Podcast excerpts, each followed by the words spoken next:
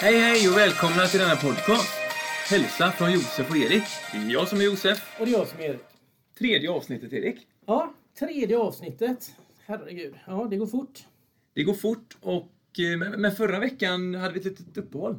Ja, det hade vi. Kände väl att, att det var väldigt mycket förra veckan, va? Och eh, vi behövde ta det lite lugnt. Ja. ja, det är ju den officiella eh, skrivningen. Ja, Sen, den inofficiella är ju att vi glömde att vi har en podd. Ja det med. Men sen var det ju väldigt, väldigt många som hörde av sig och undrar när nästa avsnitt är på gång. Ja, ja, vi har ju inte, precis, vi har ju knappt hunnit svara på alla eh, Nej. meddelanden. Nej, din mamma har ju legat på väldigt mycket där. Ja, 325 meddelanden inkorgen. Kul att vara tillbaka igen. Ja. Vad ska vi prata om idag? Idag tänkte vi ta upp lite det här med dusch, ombyte och vi kommer även in på lite inaktivitet. Men, eh, vi går inte in på det direkt, tänker jag. Alltså, hur, hur går det för oss? Vad gör vi nu? Det är nära betygssättning och sommarlov. Och... Ja, herregud. Alltså, det går ju... Efter påsk säger man det går undan och det gör det ju verkligen. Eh, och i morse när jag åkte till eh, jobbet så kom jag där. Eh, alltså det var en sån här... Solen ute. Satte jag på eh, radion och så var det en sån här lugn fin melodi och så tittade jag till vänster. Vad stod där? Två rådjur står och betar. Det var ju drömmen. Här, vet du. Vände du och åkte hem då? Nej, jag, det värsta är att man sitter ju och tittar här va. Det hållet. Sen vaknar man ju och tänker att jag kör bil också. Så jag fick ju styra upp bilen igen ur diket och fortsätta färden mot skolan. Ja, det är ju 90-väg utan mitträcke också. Ja, nog, nog om det. det är, vi sitter på onsdag här. Vi får se när vi släpper podcasten, men alldeles strax i alla fall så är det betygssättning för vår del. Ja, det är det. Och även den sköter vi tillsammans kan man säga. Ja. Nu har vi också, vi har inte pratat så jättemycket om Corona. Eh, Vi kan väl nämna det bara. Hur har vi, vad har vi gjort liksom? Har vi ändrat någonting? Ja, men det har vi gjort. Vi, det, det kom ju väldigt snabbt in på det här. För jag vet från ena veckan till den andra. Jag vet inte vad. Vi hade en lektion på måndagen tror jag det var. Och så på tisdagen så kom de nya restriktionerna. Och då skulle vi byta och då körde vi någonting som hette palla äpplen, kommer du ihåg det? Ja. Man lägger ärtpåsarna på tjockmattan. Eleverna ställer ut redskap eh, där de kan gömma sig bakom. Så det är två bakom mattan och så ska resten av gänget ta sig fram och sno de här ärtpåsarna utan att de ser dem. Och eh, den tänkte vi, den kör vi. Det är inte så mycket kontakt. Det funkar ju sådär. De låg ju på varandra bakom plintarna så vi fick ju tänka om där också. Det är svårt att hitta någonting där eleverna inte har någon kontakt med varandra, eller hur? Ja. Och då hade vi nämnt för eleverna, minns jag också, att ja, hå- håll avstånd, liksom, håll avstånd till varandra. Och då har vi 50 elever i den här hallen samtidigt. Ja, och eh, kanske 10 hinder. Ja. Så räknar man, kan man sin matte då så inser man att det finns ju, det är ju omöjligt. Ja, nej, det, det var väl inte en av våra smartaste drag här kanske. Nej. Men, tanken var god i alla fall. Och de är friska eleverna. Jajamän. Igen, som kul. Och bara spinna vidare på tidigare avsnitt. Har du, alltså de här, den här händelsen med eh, Kalle Ja. i, i vattnet. Har vi fått några reaktioner från honom? Ja. Eller eh, kände han, han kanske inte ens vet att det var honom vi pratade På något sätt så listade han ut det här, den här Kalle då. Och, um, hans fru hörde ju av sig. Okej. Och hon har ju en annan eh, syn på det hela. Hon eh, menar ju på att, att de inte hade flytvästar på sig och det var mitt i farleden. Okej, det var värre än, vad, värre än befarat då. Ja. Men eh, jag har besökt det hos Kalle då. Han sitter inne nu då. Så jag ska ju besöka honom på, imorgon. Har han en timme vi kan träffa honom. Vad du än är Kalle, vi, vi, Erik tror på dig i alla fall. Jag stöder dig. Ja. och för min del då, jag, jag har en Bodil några gånger, inga reaktioner. Jag antar att Bodil inte har lyssnat på något avsnitt. Eh, ja, det är skönt. Vi hoppas att det förblir så, tänker jag. Ja, Jag kan bli lite arg annars. ja, jag kan tänka mig det. Vi har sagt att vi inte ska prata om personer i vår närhet, men just Bodil har jag nämnt. Ja, där, Bodil, alltså, vi har ju en kollega till som har haft den här. Du vet du kanske? Jo, det Ja, har vi, vi. ska, vi ska inte nämna hans Ja. namn då, men det, det är flera som har, Ja. har haft Bodil. Bodil är alltså ett fiktivt namn nu, kan vi säga, två avsnitt in. Ja, vi kan kalla henne Odil. eh, nog om det. Så här är det. Vår ingång till det här temaområdet är egentligen så här att våra interna enkäter, och vi vet även att forskning eh, externt, alltså utanför den här skolan, visar att omklädningsrum generellt sett är en plats där elever känner sig otrygga. Ja, så är det ju.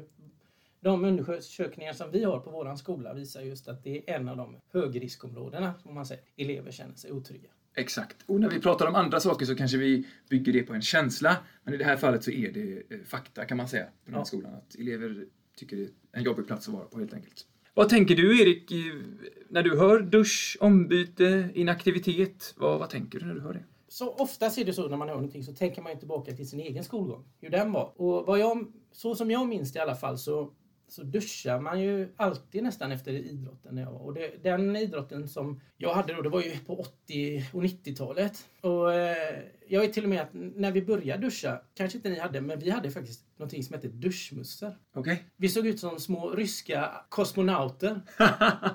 Okej. Det var alltså en... Du får en, utveckla. Ja, det var helt... När man tänker på det, alltså den som kom på det här, han måste ju tjäna pengar på det här va? För det första då, så tror jag ryktet var att om man duschar och gick ut med, med rött hår så blev man sjuk. Eh, om det var frost ute, eller om det var kallt ute, så kunde håret brytas av. Oj! Ja, då hade man som hjälp till detta då hade man en duschmössa och det var liksom som en... Ja, det såg ut som en hjälm i plast. Hade man tur då så hade man ju sån här glas som cyklop fram på dem då. Okej. Så stod man med dem och duschade. Och då duschade man kroppen men håret var ju torrt. Det kostade skolan inte? Nej, nej, det var ju sånt som vi hade. Du kan ju inte bara tänka, du såg ut de här duschrummen. Ja, men det, jag kommer ihåg, det var så väl. Men detta var någon gång när vi gick på låg och mellanstadiet. Och då hade nog alla såna här duschmuster. Och det smattrade på huvudet, man hörde ju ingenting. Man blev döv efteråt. Men, eh, och alla stod i duschmössor. Det måste ju sett hur komiskt ut som helst detta. Eh, och det var vanligt då. Detta var någon gång i bör- 80-talet någon gång var det här. Och ni hade, du har inte varit med om det eller? Nej, alltså det här är, det, och framförallt är det första gången du berättar det här för mig. Det är inte så att du har, vi har gått igenom detta. Nej, Det, är lite, det kommer lite som en chock för mig faktiskt. Det känner jag inte till. nej. Men då duschade alla. Det, det kommer jag ihåg. Och, eh, precis. Framförallt det är väl den stora skillnaden. Att det var en hög andel elever som duschade. Ja, det var det. Och det följdes, sen var det ju fullt hela min skoltid ut att alla duschade efter idrotten. Alltså vad gäller då, hur, hur såg det ut med ombyte och inaktivitet och den sortens problematik? Alla bytte om. Och jag tror det inte var någon som inte hade ombyte till lektionerna. Och detta gäller både låg och mellan och högstadiet. Ja, jag har gått i skolan på eh, 90 och början på 00-talet. Och min känsla eh, från min tid är ju att det var eh, väldigt många elever som duschade. Sen hade vi lite problem med ombyte på sina håll då. Men inte kanske de, inte i så stor grad som vi har idag. Vi, får, vi har väl inga svar på varför, men vi kommer komma in lite på det, tänker jag, och diskutera det lite. Ja, Vad vi tror att det kan bero på. Vad det kan bero på, just det. Precis, men innan vi går vidare bara så vill vi förtydliga vissa saker och koppla in läroplanen i det här. Eh, Så att det inte blir ett missförstånd vad gäller dusch, ombyte och inaktivitet. Dusch, det finns ingenting eh, i kunskapskrav eller läroplan som säger att eleverna måste duscha. Det finns inte heller någonting som säger att eleverna faktiskt måste vara ombytta. Men vi pratar hygien med eleverna, det måste vi göra. Eleverna behöver lära sig om hygien, hur man sköter sin hygien, men inte, det är inte ett krav att de måste duscha för att få ett betyg. Och sen vad gäller ombyte då, där kan man också göra en jämförelse med ett annat ämne, Erik, tänker jag. Och då gör vi det, den här gången kan vi göra det med matte till exempelvis. I matte så står det ju inte i kunskapskraven att du måste ha med dig din mattebok för att få betyg. Nej. Men det är underförstått för att du ska kunna bedriva undervisning och vara med på passet. Och samma sak kan man tänka sig med idrotten då. Att du behöver faktiskt vara ombytt eh, och ha kläder som är anpassade för aktivitet. Ja, För att det ska funka. absolut. Eh, så. För ibland är det en missuppfattning att både föräldrar och elever kommer till oss och säger ja, eh, min son hade jeans på ett pass. Riskerar han sitt betyg då? Nej, men vi kräver av eleverna om de ska vara med att de har kläder. Ja, det gör vi. Och det, jag har också tänkt på det att ofta, det här med, inte så ofta kanske att de tar upp det här när jag har suttit på utvecklingssamtal med elever och föräldrar. Så jag tänkt på det, ofta tar föräldrarna upp just den här frågan med duschning, att, att, att de inte duschar. Det, och det beror väl på att eh, när de har växt upp så har det vatt viktigt det här med du- duscha så, och det lever väl kvar. Och ibland tycker jag nästan att de lägger mer tyngdpunkten på att klassen inte duschar än att vad de gör på lektionerna lite. Håller med. Att, eh, att fokuset är varför duschar de inte? Liksom? Ja, det är en fråga som många har och det är som du säger, det är ju viktigt med hygien och sånt här men det finns ju andra aspekter i det också. Eller hur? Ja. För dusch i sig är ju jätteviktigt såklart. Vi vill ju inte att elever ska, alltså att de inte ska sköta sin hygien. Men duschningen i sig är ju inte kopplat till vad vi ska göra i vårt ämne. Nej, Utan det är något man gör efter. ja, det är det jag menar egentligen. Ibland lägger de fokus på, på saker som kanske inte är så viktiga just för det ämnet. Ja. Dusch, eh, ombyte har vi där då. Och sen även eh, inaktivitet. Och innan vi går in på det så tänker jag bara en grej också. Där får vi mycket frågor om, ja, om min son sitter vid sidan, får han frånvaro då? Leker med tanken att vi är i hallen. Nej, det får han inte.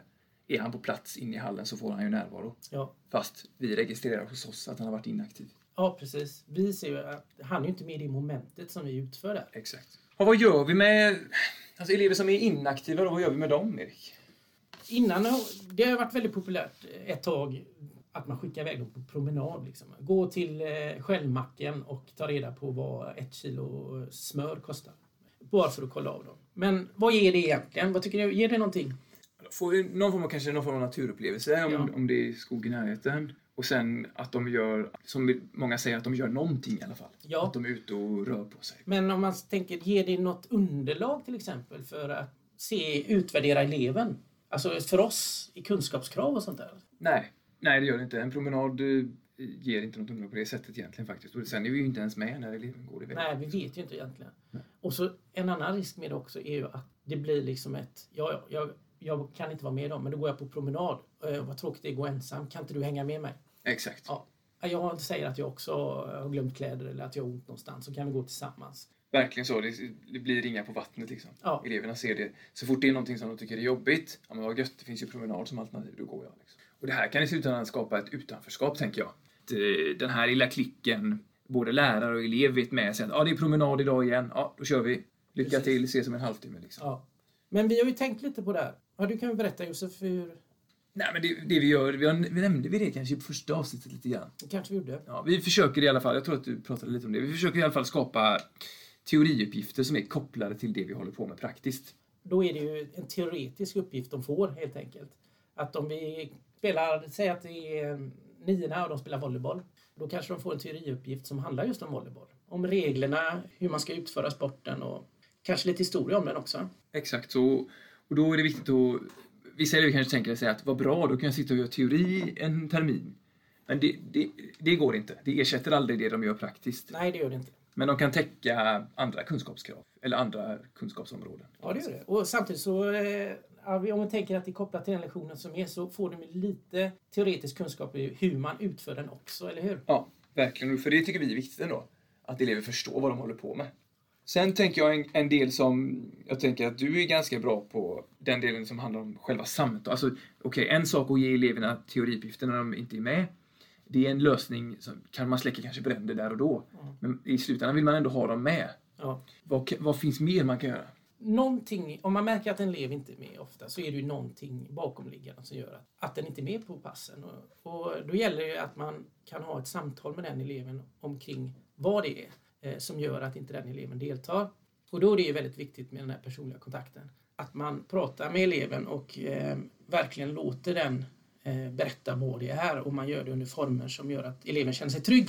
Och det tycker jag är jätteviktigt. För vi har, ofta är det, precis som du säger, det kan leda vidare och vidare vidare och till slut så blir det ett hinder som är för, för stort att överstiga. Alltså det, blir för stort problem. Eh, och risken är ju då att den blir inaktiv liksom väldigt, väldigt länge. Och sådant som vi har upplevt i våra samtal, eh, sånt som elever tycker är jobbigt, det är ju att de tänker sig att om de är med så kommer de behöva duscha Ja. efter passet. Ja. Och de tycker även att det är jobbigt att byta om i omklädningsrummet. Ja, Den processen, de tar sig inte över den tröskeln. Även när de väl är ombytta så är man obekväm i den sortens kläder. Alltså det kanske kan vara lite tajtare kläder, eh, där ens kropp kanske avslöjas på ett annat sätt. Eh, och så. Och sen även då det faktum att vi bedömer ju elevers rörelse kan man säga. Ja, vilket i förlängningen är en bedömning av deras kropp. Kan man, alltså de uppfattar det så i alla fall. precis. Ja, men just det som du säger, att det man hör också många säga det är att man känner sig utsatta. Det känns som alla tittar på en. Exakt. Eh, och då säger man, det, det är alla det är bara du själv som känner så brukar man säga. Men samtidigt, men de känner det som att alla tittar på en. Det kan man förstå. Liksom. Verkligen. Det finns många problem som, ändå, som skulle kunna leda till att man sätter sig vid sidan. Och det är ingenting man fixar med ett samtal kanske, utan det är en process som man får arbeta med under lång tid. Och det dels handlar det kanske om att prata med eleven i fråga. Men sen tänker jag också att om problemet handlar om eh, miljön också, alltså då får man ändra på miljön. Hur, är- hur är övriga klassen mot varandra? Hur reagerar de om någon missar ett volleybollslag eller badmintonslag eller liknande? Ja. Den processen jobbar vi med en del också. Ja, det är jätteviktigt att man jobbar med gruppen. Mm. Eh, för det har vi sagt innan att har man inte satt upp eh, regler och rätt förutsättningar för den gruppen man, man har så kan man inte bedriva en, en vettig undervisning helt enkelt. Utan man måste jobba med gruppen först. Det märker vi kanske de passen där vi försöker eh, ge eleverna större utrymme och större ansvar att själva kanske planera vad de ska göra och så. Då, det blir inte lika bra oftast. Nej, det blir det inte. Det blir otryggt liksom och de, det finns inga ramar och, och så. Nej, och det har vi märkt när vi gör det här. Att ibland har vi ju sagt så här att ni får eh, en fri lektion. Se till att ni får igång någonting som ni tycker är kul och ni kan göra och organisera det. Vi hjälper er med det ni behöver. Och de grupperna som fixar det, de organiserar upp det här. Alla är nästan aktiva, eller alla är aktiva. Exakt. Med de här grupperna som är lite mer osäkra så blir det mer att det blir en inaktivitet och det blir också mer stökigt. Ja. Och då får man bryta det helt enkelt. Ja. Det, och där avviker oftast många. Ja, det. det, och de grupperna, där behöver man jobba mer med de, det du nämnde där. Att man behöver jobba mer med dynamiken, hur man eh, behandlar varandra och så. Absolut, absolut. Eh, faktiskt. Det är viktigt. Ska elever, eh, vill man att elever ska delta i större utsträckning, samtal såklart, bara på någon form av teoriuppgift kring så att de, inte, så att de är med i sammanhanget. Men kanske viktigast då, skapa en miljö som de trivs i. Dusch. Mm. Ja, vi, vi kom in, vi har redan pratat lite dusch. Hur, hur, vad gör vi? Vad gör vi i, praktiken när vi pratar om dusch och det, problemet? Det som vi har gjort på den här skolan, eh, det är ju att man ut, försöker utforma omklädningsrummen så att de blir tryggare. Och då har de, inte vi då, jag och Josef, utan våran vaktmästare, de har satt upp bås och även duschdraperier har satts upp. Det är ju en del i det. Den här fysiska miljön där de byter om. Sen det svåra är ju egentligen i omklädningsrummen. Där har vi vi är ju båda manliga idrottslärare så vi har ju varit i den, hos killarna har vi suttit med faktiskt i vissa grupper i omklädningsrummen för att det ska vara mindre stökigt. Det kan man göra också för att Ja. känna sig tryggare. Men kommer man åt det då? Känns det som man kommer åt liksom problemet i det hela? Nej, vi upplever att vi har väldigt liten... Vi, har, vi upplever att vi kan ha ganska stor inverkan på ombyte och inaktivitet. Där kan vi göra mycket för att hjälpa eleverna. Men vi upplever inte att vi har eh, mandat eller vi har svårt att hjälpa elever att börja duscha faktiskt. De åtgärder skolan har gjort är jättebra. Vi sitter i omklädningsrummet ibland men där är det svårt att få eleverna att, ta det steget. Ja, och man tittar, jag tänker också tänkt på det, men för samhället i sig ser ju annorlunda ut mot när jag växte upp i alla fall. Nu för tiden så är det ganska bråttom. Jag vet när jag har varit tränare i fotboll till exempel så lämnas eh, barnen av, ombytta, de hämtas och så kör man hem liksom. Man duschar inte tillsammans i omklädningsrummen, eh, numera föreningslivet. Ja. Och tittar man på gym och sånt så är det inte så många som duschar där heller utan man går dit, eh, man tränar och sen åker man hem och duschar. Det här tycker jag, man ser på sa- samhället i sig så är det inte så mycket tid och man stressar iväg hela tiden. Och när, jag tittade lite på nätet förut och läste lite om det här med dusch. Det som kommer fram där det är just det som du sa, otrygga, men även det här med tiden. Jag har inte tid, det går snabbare att inte duscha. Tror du, för om man säger ja, på, di, på din tid som du nämner här då, kanske man inte var lika uppkopplad heller. Nej. Tror du att, eh, för varje, alla elever har ju mer eller mindre varsin smartphone och är uppkopplade ständigt och det är bilder hit och dit. Tror du att det kan påverka någonting? Ja, otryggheten är ju någonting som också kommer fram. Det här med att man är rädd att någon ska filma eller ta kort och att det ska läggas ut på sociala medier. Och det är, är en mardröm.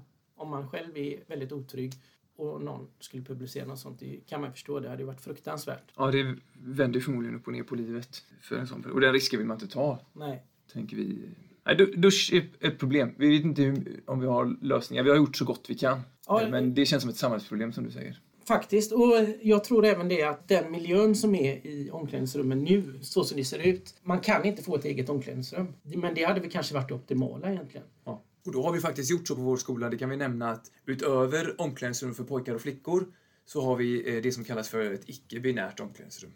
Alltså elever som inte identifierar sig som varken kille eller tjej. Det finns möjlighet att byta om där. Och det använder vi även till elever som av andra anledningar känner sig otrygga. Eh, Har tyvärr inte utnyttjats i så stor utsträckning som vi hade hoppats. på. Nej, och det kan man också undra varför det blir så. Det kanske känns en utsatthet att gå in och byta om där.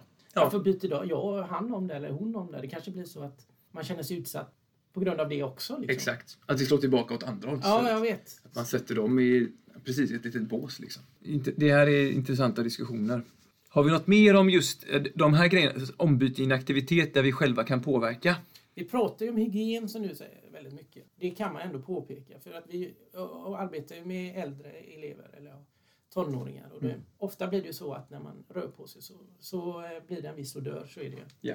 Och det kan man ändå påpeka. ja. Och det kräver vi av dem att de ska förstå. Eh, Det är ändå ett krav vi har. Du måste förstå vad, vad det innebär, hygien. Men att de sen ska liksom förverkliga det genom att duscha, det kravet har vi inte på oss. Nej, men vi får ju faktiskt av andra kollegor slår det ju tillbaka mot oss.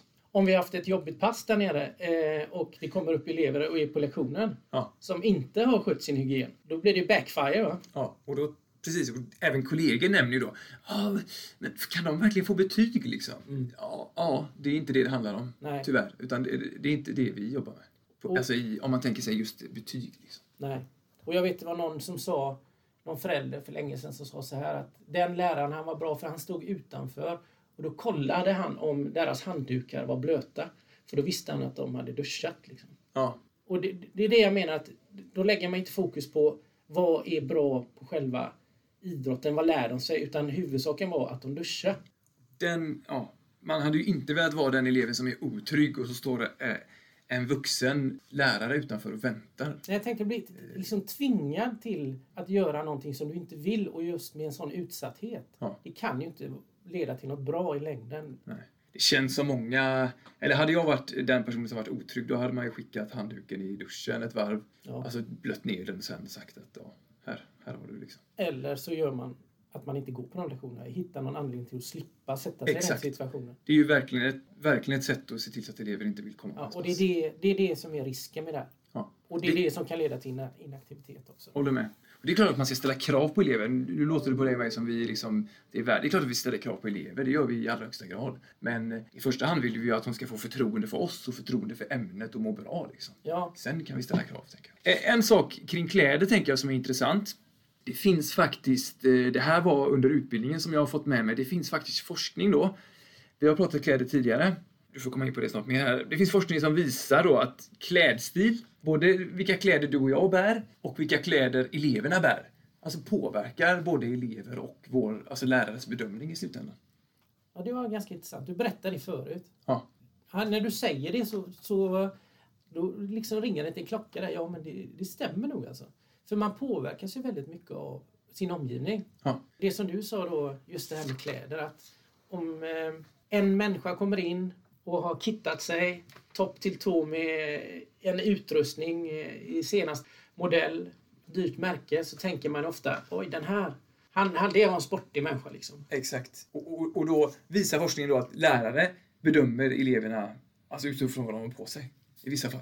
Det är ju anmärkningsvärt. Ja, det är det. Men jag kan koppla det faktiskt till... Har du tänkt på det? För du, du spelar ju fotboll, eller spelade fotboll och du kommer ju fortsätta sen Ja. också. När man tittar på ett annat lag en gång. Jag vet, vi skulle spela match och så kom det in... Det har hänt flera gånger. Så, så ska man möta ett lag och så kommer det någon som ser kanske inte ut som en fotbollsspelare eller innebandyspelare. Jag vet, det var någon gång vi, skulle spela eh, innebandymatch var det. Och det kom in en kille i såna här korta shorts, du vet. Och, Ja. Egna shorts. Och han studsade omkring. Var lite, vad, vad är det här för kille? Och då bildar man sig en uppfattning att nej, han kan inte vara så bra. Han var poängliga, eller han ledde poängligan hela serien. Ja. Han bara stänkte in bollarna. Och det lurar sig med klädseln. Och tvärtom kan det vara så, precis som du sa också, att det kommer in ett, ett man möter ett lag, de har jättesnygga kläder, man tror att de här är världsbra liksom. Det här är ett riktigt bra gäng. Det är mycket psykologi, tänker jag. Ja, det är det. Precis, ja, cool frisyr liksom och senaste Nike-dojorna. Shit, liksom, den här gubben kommer skoja bort oss. Ja. Och sen finns det ju också, det finns ju forskning på alltså, lag som bär rött, tror jag det är. Jaha. Alltså, de går det bra för, för att det är statistiskt sett, eller man blir liksom rädd för rött. En skrämmande färg. Ja, det är Liverpool, det är där det ligger. Du kan ju tänka på om vi skrämmer eleverna, kan vi ta på oss rött. Nej, men just för att det, det behöver man verkligen fundera på som idrottslärare. Alltså, ser jag på eleverna liksom, ur ett kunskapsperspektiv eller liksom hur de ser ut och framstår bara. Liksom. Ja. Det är superviktigt. Och det tänker jag också, där tänker jag att eleverna påverkar varandra utan att de tänker på det. Du har fem personer eh, senaste kläderna i idrottsmodet. Liksom. Eh, Då tror jag att övriga tänker oj, är det det som är, är, det det som är tänkt nu? Liksom? Ska jag köpa kläder för flera tusen här? Ja. För att jag ska accepteras? Då kanske det inte är okej med den här ja, t-shirten som är tvättad eh, 30 gånger längre. Liksom. Och då är, tänker jag, då kommer man in på den ekonomiska faktorn. Det är ju så att eh, i vårt ämne så begär vi ju faktiskt saker av våra elever som inte begärs i andra ämnen. Just det här med att de ska vara klädda på ett visst sätt. Vi begär att de, eh, ja, inte, eh, inte att de ska ha eh, liksom dyra saker så, men ändå att de ska ha skor eh, som är in, för inomhusidrott. Även utomhusidrott till viss del då. Och kläder både för inomhus och utomhusbruk. Och det gör ju inte, alltså andra ämnen har ju, där får man ju ofta sakerna direkt till sig där. Med böcker och pennor och sånt där och så och det de här grejerna. Och det är ju det som är, det är den skillnaden. Och om man tittar då ekonomiskt på det så är det ju så att vissa familjer har ju faktiskt kanske många barn och har det svårt ekonomiskt. Och eh, kläder idag är inte billiga. Och speciellt då om de känner att de vill ha kläder som andra har som kanske är lite dyrare. Mm. Så är det ju en svår situation kan det uppstå i alla fall. Verkligen så. Det är ju en känsla som vi har, men jag tänker ändå att det, det spelar absolut roll. Ja, det vi gör tror det. att det påverkar. Men du, du, jag vet inte om du nämnde det, men du sa också en sak att vi som lärare kan även påverka detta. Genom att vi har kläder som är... Var det inte så? Jo, det, det visar också den forskningen som vi eh, tog till oss att eh, även, ens, även ens lärare påverkar, påverkar hur man själv ser på utrustning. Alltså om du och jag är fullkittade varje pass och har eh, jättedyra och fina grejer, då kommer eleverna tänka okej, eh, det här är någon slags förebild då för idrottsverksamheten. Så här ska jag se ut för att min lärare ska vara nöjd med mig. Liksom. Ja. Det behöver man också tänka på. ja. Det var intressant. Jag visste inte detta, men det var ju väldigt intressant. Och vi har pratat om det här med elever och sagt att absolut, vi förstår ju dels enskilt men även i grupp att vi förstår att det är kostsamt och det är svårt att kanske hitta rätt utrustning och att man gärna får eh, ta kontakt med både dig och mig så, ska vi, så försöker vi hjälpa till med hjälp av rektorerna då. Ja, precis. Och sen har vi, vi har ju faktiskt en lånelåda, men den är inte så trevlig den heller egentligen. Att gå, det är inte så populärt. Nej, men precis, man vill ju inte vara den eleven. Kom med här liksom ska du få eh, eh, låna grejer som, eh, som andra har använt. Ja. Jag förstår elever som inte vill låna, men det finns ett alternativ. Det gör det. Ja. Men där är, vi är inte så att vi propsar på att du ska ta på dig de här kläderna för att vara Nej. med. Vi försöker några gånger och sen ja, får det bli som det blir. Ja. Ja, intressant. Nu har vi på, hållit på en halvtimme här. Mm. Det här området, det kan man prata jättemycket om. Vi har säkert missat någonting. Har vi det får man gärna eh, höra av sig till oss. Ja. Det har vi sagt några gånger här nu. Hur ska man höra av sig till oss? Vi får kanske lägga upp vår mail eller något. Vi, vi kan väl göra det. Vi kan titta på det. Men eh, det är väl bra om vi lägger upp någon mail till den här hälsa. Nu låter det på oss som att vi har 5000 Nej. följare. Men det, det kanske dyker upp någon. Kan vi liksom föra någon diskussion kring någon fråga vi får så är det jättekul. Ja, det är det. Men eh, det här är ju ett ämne som alltid är aktuellt på något sätt. Och jag känner att det blir... eh, Det kommer... Det går i cirk... I cirk eh, vad heter det? Cykler. Ja. Det återkommer. Allting handlar egentligen om att... Om vi tänker så här, på något sätt att alla ska känna en trygghet och det är ju jätteviktigt. Eh, och det genomsyrar hela skolan att alla, alla, alla ska känna sig trygga. Och på något sätt är det ju lite jobbigt kan jag tycka att en av de platserna som eleverna känner sig otrygga, trygga på är där vi vistas, alltså du och jag Josef, i Ja. vårt omklädningsrum. Det, dit vill man ju nå, att alla ska känna sig trygga. Så det är ju någonting som vi måste jobba med helt enkelt. Ja. Vi tycker det är jättekul att många elever uppskattar vårt ämne och de tycker det är roligt med idrott och känner att det händer saker. Men vi har grejer att jobba med. Det är ju inte helt fläckfritt liksom. Nej, det är det inte. Eh, Så är det. Och vi, vi kommer fortsätta jobba med det tills vi känner att det blir bra helt enkelt. Ja, det måste vi göra. Vad bra! Mm. Sista grejen. Det här är stora frågor, Erik, som vi pratar om. Ibland kan man känna att det kanske snarare är samhällsfrågor. Hur mycket ansvar ska skolan ta och hur mycket ansvar ska samhället ta? Förstår du? De speglar varandra, tänker jag. Ja, det gör det. Vi gör så gott vi kan här och så får samhället göra sitt också. Ja, jag håller med dig. För att hjälpa våra ungdomar. Är vi nöjda där? Det tycker jag. Eh, Vad ska du göra i helgen? oj, vad ska vi göra i helgen? Det kommer en, eh, en kille från eh, Bahrain. Är det Kalle eller? Nej, det här är en annan snubbe. Han, eh, han eh, bor i Bahrain. Han ska bo hos oss i två veckor. Det är våran granne egentligen, men han hyr ut sitt, hus där. Men eh, Okej. han ska bo hos oss i två veckor. Ja, Så eh, vi får se vad vi hittar på med han. Ring mig om du behöver sovplats. Ja, jag skickar över honom en gång. ja, härligt. Jag ska, mm, jag ska faktiskt spela golf i helgen. Gud vad Ja. härligt. Jag Yes. funderar faktiskt på det, dra en frisbeegolf. Det ska vi du- det har ju du pratat om. Ja, jag tänkte det. Kanske göra om i helgen då. Ja, gör det. Skatås. Ja, alla gånger. Tack för att ni har lyssnat. Ta hand om er. Ja, ha det så bra. Hej. Hej då!